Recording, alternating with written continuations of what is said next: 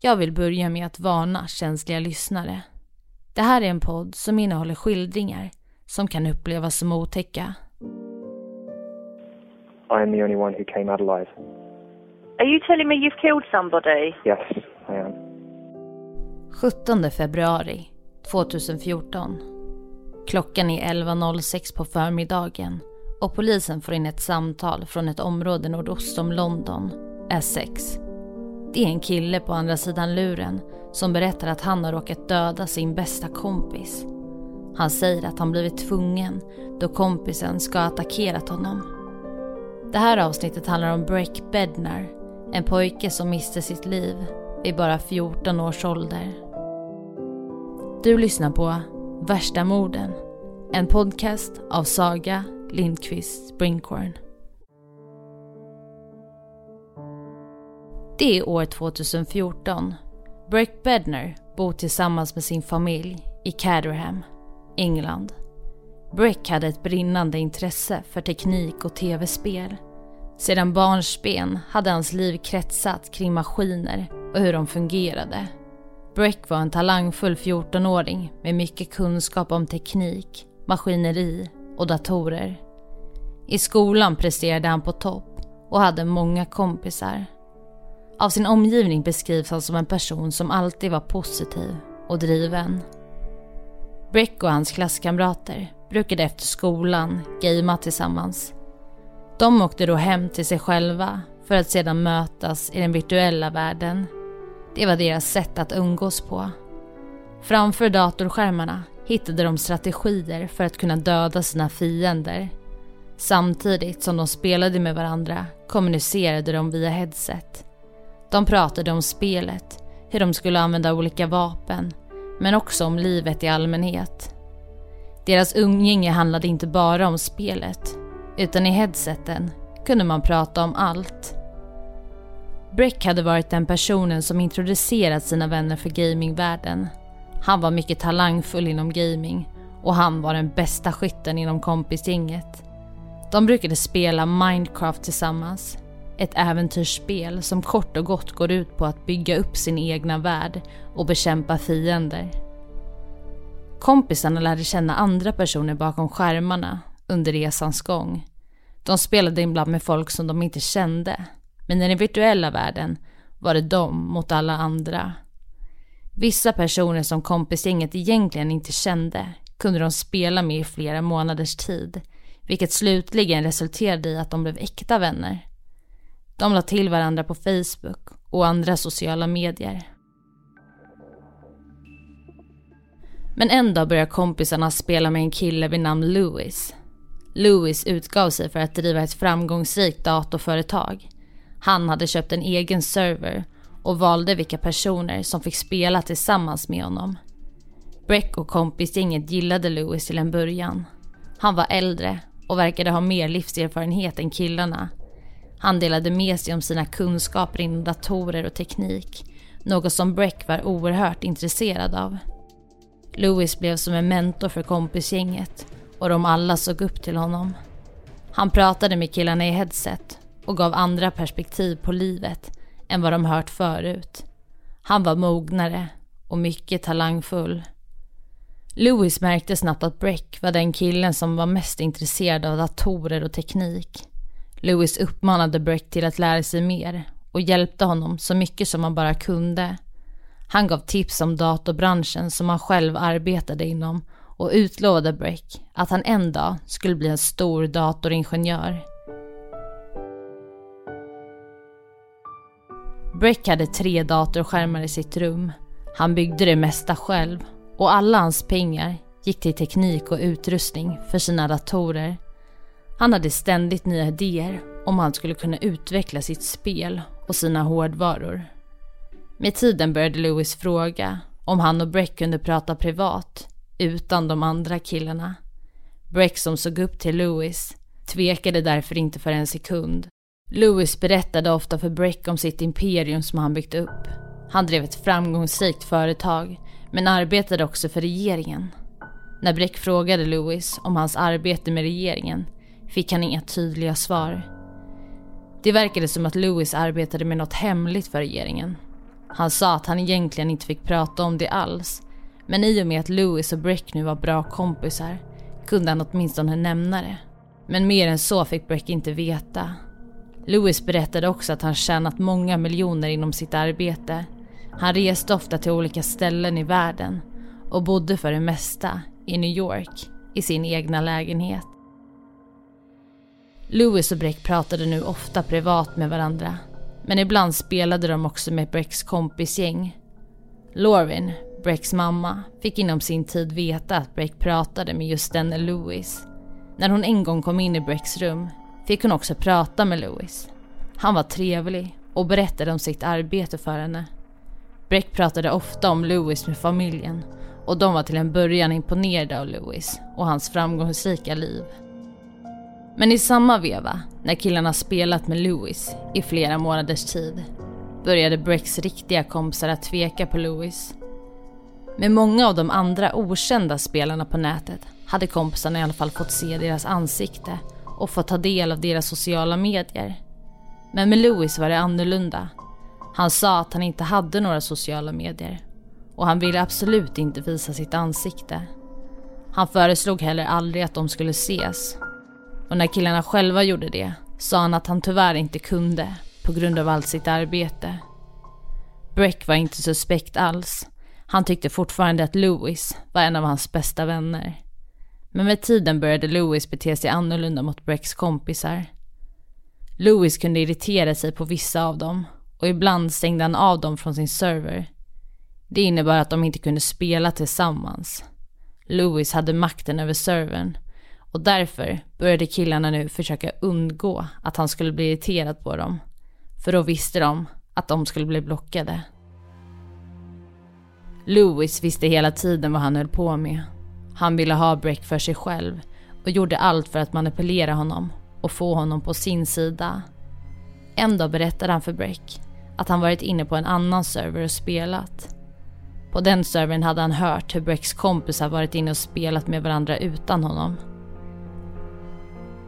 Några av kompisarna hade då sagt att de inte gillade Breck längre. En av dem hade till och med sagt att han hatade Breck. Det Louis sa var inte sant, men Breck litade på honom. Och Louis sa att det inte spelade någon roll vad Brecks vänner tyckte om honom. För Breck hade ju Louis nu. De två var bästa vänner och skulle tillsammans ta över datorvärlden. Louis fortsatte gång på gång att förstärka Brecks självförtroende.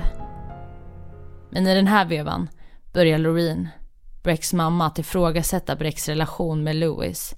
Hon tyckte att det var märkligt att Louis hade så mycket tid för att gamea när han hade ett stort framgångsrikt företag och arbete. Breck sa då till sin mamma att Louis hade möjlighet att arbeta som han själv ville då han redan hade så mycket pengar. Det gjorde att han kunde prioritera det som han gillade mest, nämligen gaming. Men Brecks mamma förblev suspekt. Nu började även Brecks kompisgäng att tröttna på Louis. De tog avstånd. Till Breck säger de att han borde sluta prata med Louis. Det var ju någonting som inte stämde med den där killen. Kompisgänget bestämmer sig för att byta server så att de slipper Louis. Men Breck har en helt annan uppfattning om Louis och håller inte med sina kompisar. Därför fortsätter han att prata med Louis som att ingenting har hänt. Breck blir mer och mer isolerad från sin omvärld. Louis får honom att se förbi mosten och familjen. Breck tar också avstånd från sina tidigare vänner. Det är han och Louis som gäller nu, inget annat. Men varningsklockorna fortsätter att ringa. Alla ser det, utom Breck. En dag kommer Brecks mamma in i rummet när Breck pratar med Louis. Hon säger då åt sin son att avsluta samtalet och gamingen. För de ska i enlighet med tradition åka till kyrkan. Louis hör samtalet och säger åt Breck att inte lyssna på sin mamma. Breck måste ta makten och göra det han vill i livet. Lorraine hör vad Louis säger till Breck och blir upprörd. Hon ber om att få prata med Louis och frågar honom varför han lägger sig i hur hon uppfostrar sin son. Louis säger då att Breck måste få bestämma själv. Han tror ju inte ens på Gud. Lorraine säger då att det endast handlar om någon timma och att det är en tradition för familjen.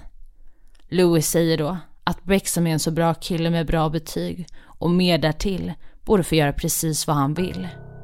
Lorraine och Louis är inte överens, men här får hon nog. Lorraine pratar med Breck utan Louis närvarande. Hon säger till sin son att hon vill koppla ifrån hans datorer och att hon vill att han slutar gamea. Hon tycker att den kontakten som Breck har med Louis inte är sund. Lorraine säger att hon och Brecks pappa vill träffa Louis om Breck ska fortsätta ha kontakt med honom. Breck får panik och tar senare kontakt med Louis. Breck berättar vad som har hänt och frågar om Louis kan tänka sig att träffa hans familj. Men det säger han bestämt nej till. Louis har mycket arbete och hinner inte träffa någon. Lorraine misstänker att Lewis är någon annan än den han utger sig för att vara. Hon tror att han är en äldre man och kanske pedofil. Hon ringer till slut till polisen för att se vad hon kan göra och höra om han är känd sedan tidigare för polisen. Men polisen kan inte ge ut någon information och Lewis har än inte begått något brott vilket försvårar kommunikationen mellan henne och polisen. Det finns inget att göra. Men Loreen ger inte upp. Hon börjar istället ringa runt till föräldrar, till Brecks klasskamrater för att höra vad de har att säga om saken. Hon vill veta om det finns andra som pratar med Louis och hon vill också veta hur de upplever situationen. Breck får panik över vad hans mamma håller på med och tar kontakt med Louis.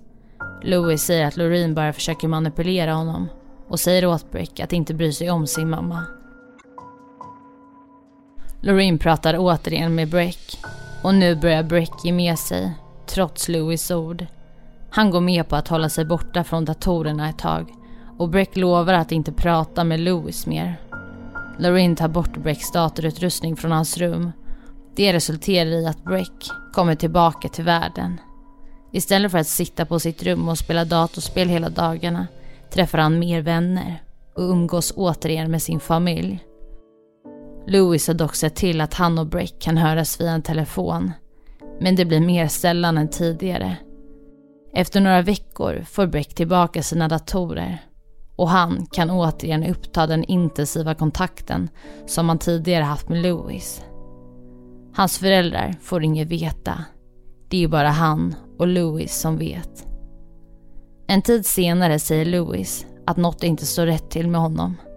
Han mår dåligt då han har så enormt mycket på arbetet.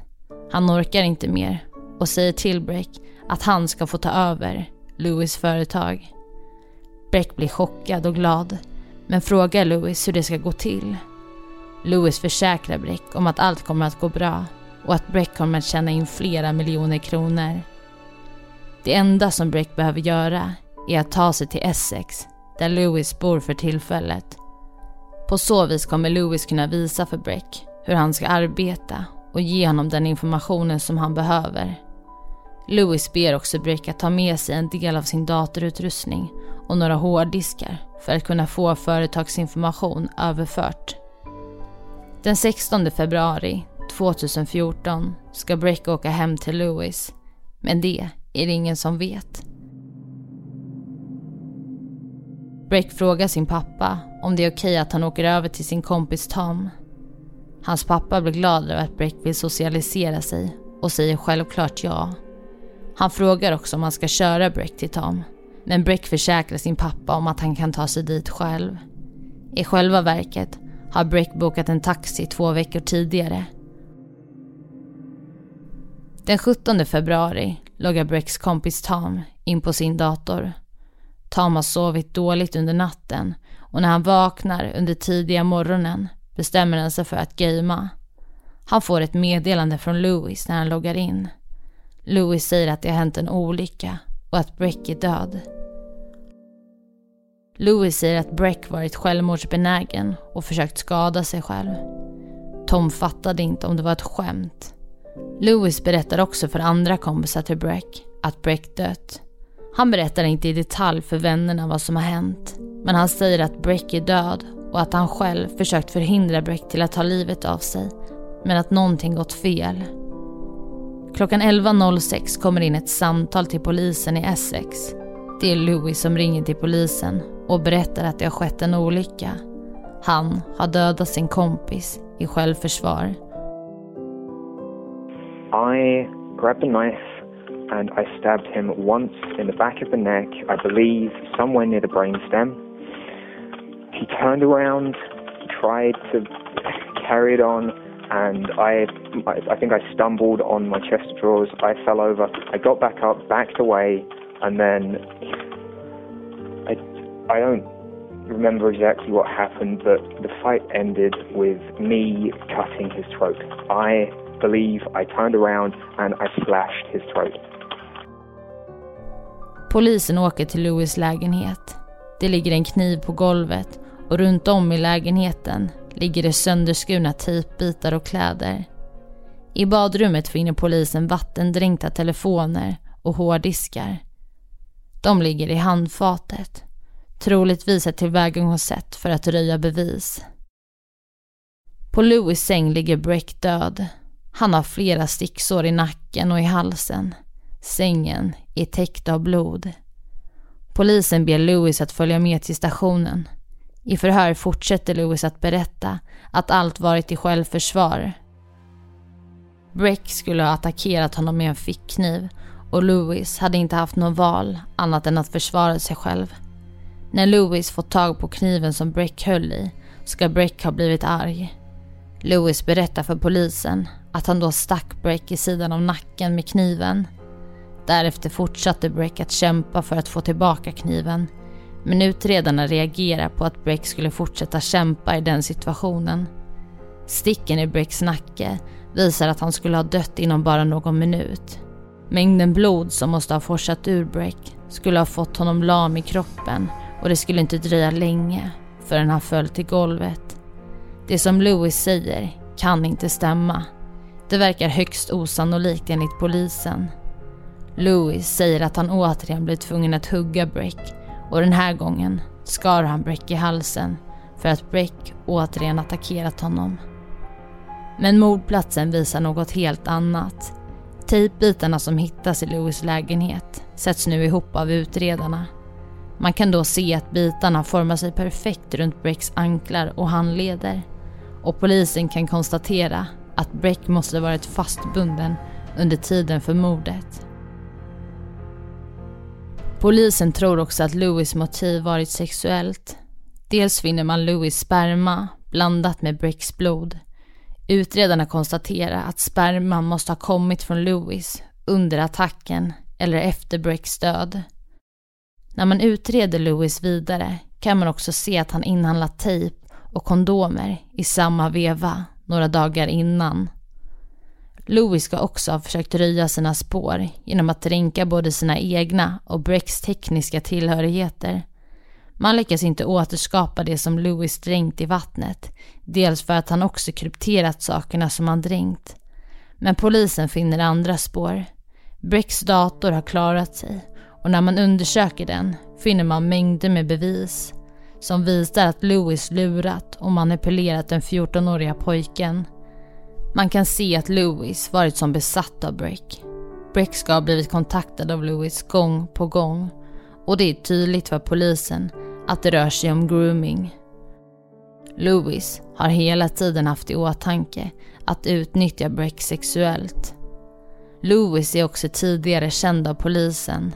År 2011 arresterades han för att ha våldtagit en pojke han har också blivit anklagad för andra typer av sexualbrott vid flera tillfällen.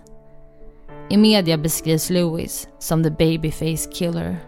Enligt media såg Lewis inte ut att vara 19 år utan snarare en oskyldig liten pojke. Hans ansikte och det han gjort fick stor spridning världen över. Kunde verkligen den där mannen döda en oskyldig 14-åring? Louis påstår hela tiden att han är oskyldig fram till sin rättegång i januari 2015 då han helt plötsligt tar på sig brottet. Han erkänner vad han gjort. En utredning som Lewis genomgått under tiden innan rättegången visar på att han har Aspergers syndrom. En funktionsnedsättning som kort försvårar samspelet med andra människor. Vilket också ska ha påverkat hans förmåga att fatta sunda beslut. Slutligen döms Lewis för mordet på Breck han får livstidsfängelse och måste avtjäna minst 25 år av sitt straff innan han återigen får sätta foten ut i det fria samhället. Sedan Louis sattes i fängelse tror man att han har lyckats kontakta Brecks familj. Det är inte helt konstaterat om kontakten kommer inifrån fängelset eller om Louis lyckas få någon annan att kontakta Brecks familj åt honom. Han ska ha skickat ett meddelande till Brecks syster Chloe via Snapchat i februari 2018. Där skrev han översatt till svenska. Jag vet var din bror är begravd. Jag ska krossa hans gravsten. Tack för att du har lyssnat på dagens avsnitt.